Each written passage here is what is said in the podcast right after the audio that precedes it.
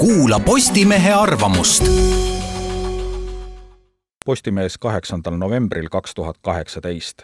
notar Priidu Pärna, kuulihaavad õigusliku järjepidevuse kehas. sain ministrilt kutse Justiitsministeeriumi sajandale aastapäevale.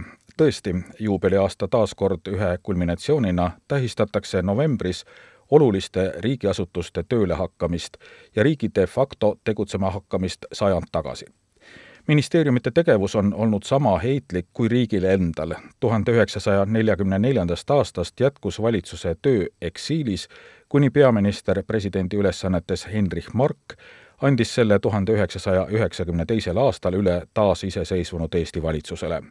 Eesti Vabariik ja tema kodanikkond taastati õigusliku järjepidevuse alusel seda riikluse alusprintsiipi peame korrutades lahti seletama noortele, kes on sündinud vabas Eestis ning kellele on oma riik sama loomulik nagu aastaaegade vahetumine.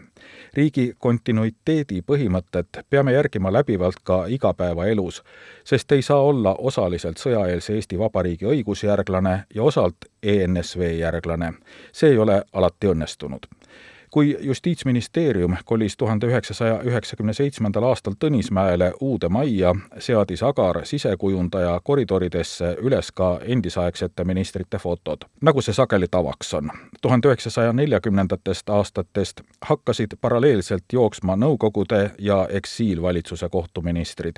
esimesed on küll paigutatud punasele taustale väidetavalt olla see jõudnud president Lennart Meri kõrvu, kes nõudnud punaministrite kõrvaldamist sellest reast, sest need ei kuulu järjepidevuse võrrandisse põhiseadusliku moraalimajakaga polnud põhjust vaielda, sest tegu ei olnud ajaloonäituse, vaid Eesti Vabariigi ministeeriumi hoonega.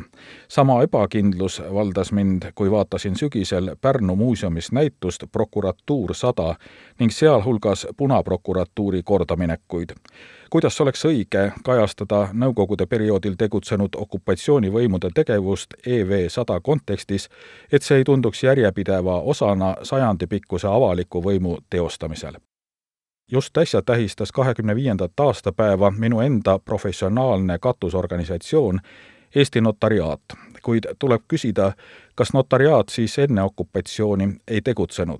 pigem nüüd me tähistame selle taastamist suurima fopaaga riigi juubeliaastal sai hakkama Kultuuriministeerium, kes kutsus kevadel kõiki endisi kolleege tähistama ministeeriumi kuuekümne viiendat sünnipäeva meedia kajastas seda elavalt, justiitsminister Urmas Reinsalu protestis sotsiaalmeedias, et kindral Ponomarenko juhitud NSVL-i kultuuriministeeriumi loomist ei peaks meie Eesti Vabariigis tähistama, sest sellel puudub õiguslik järjepidevus meie riigiga.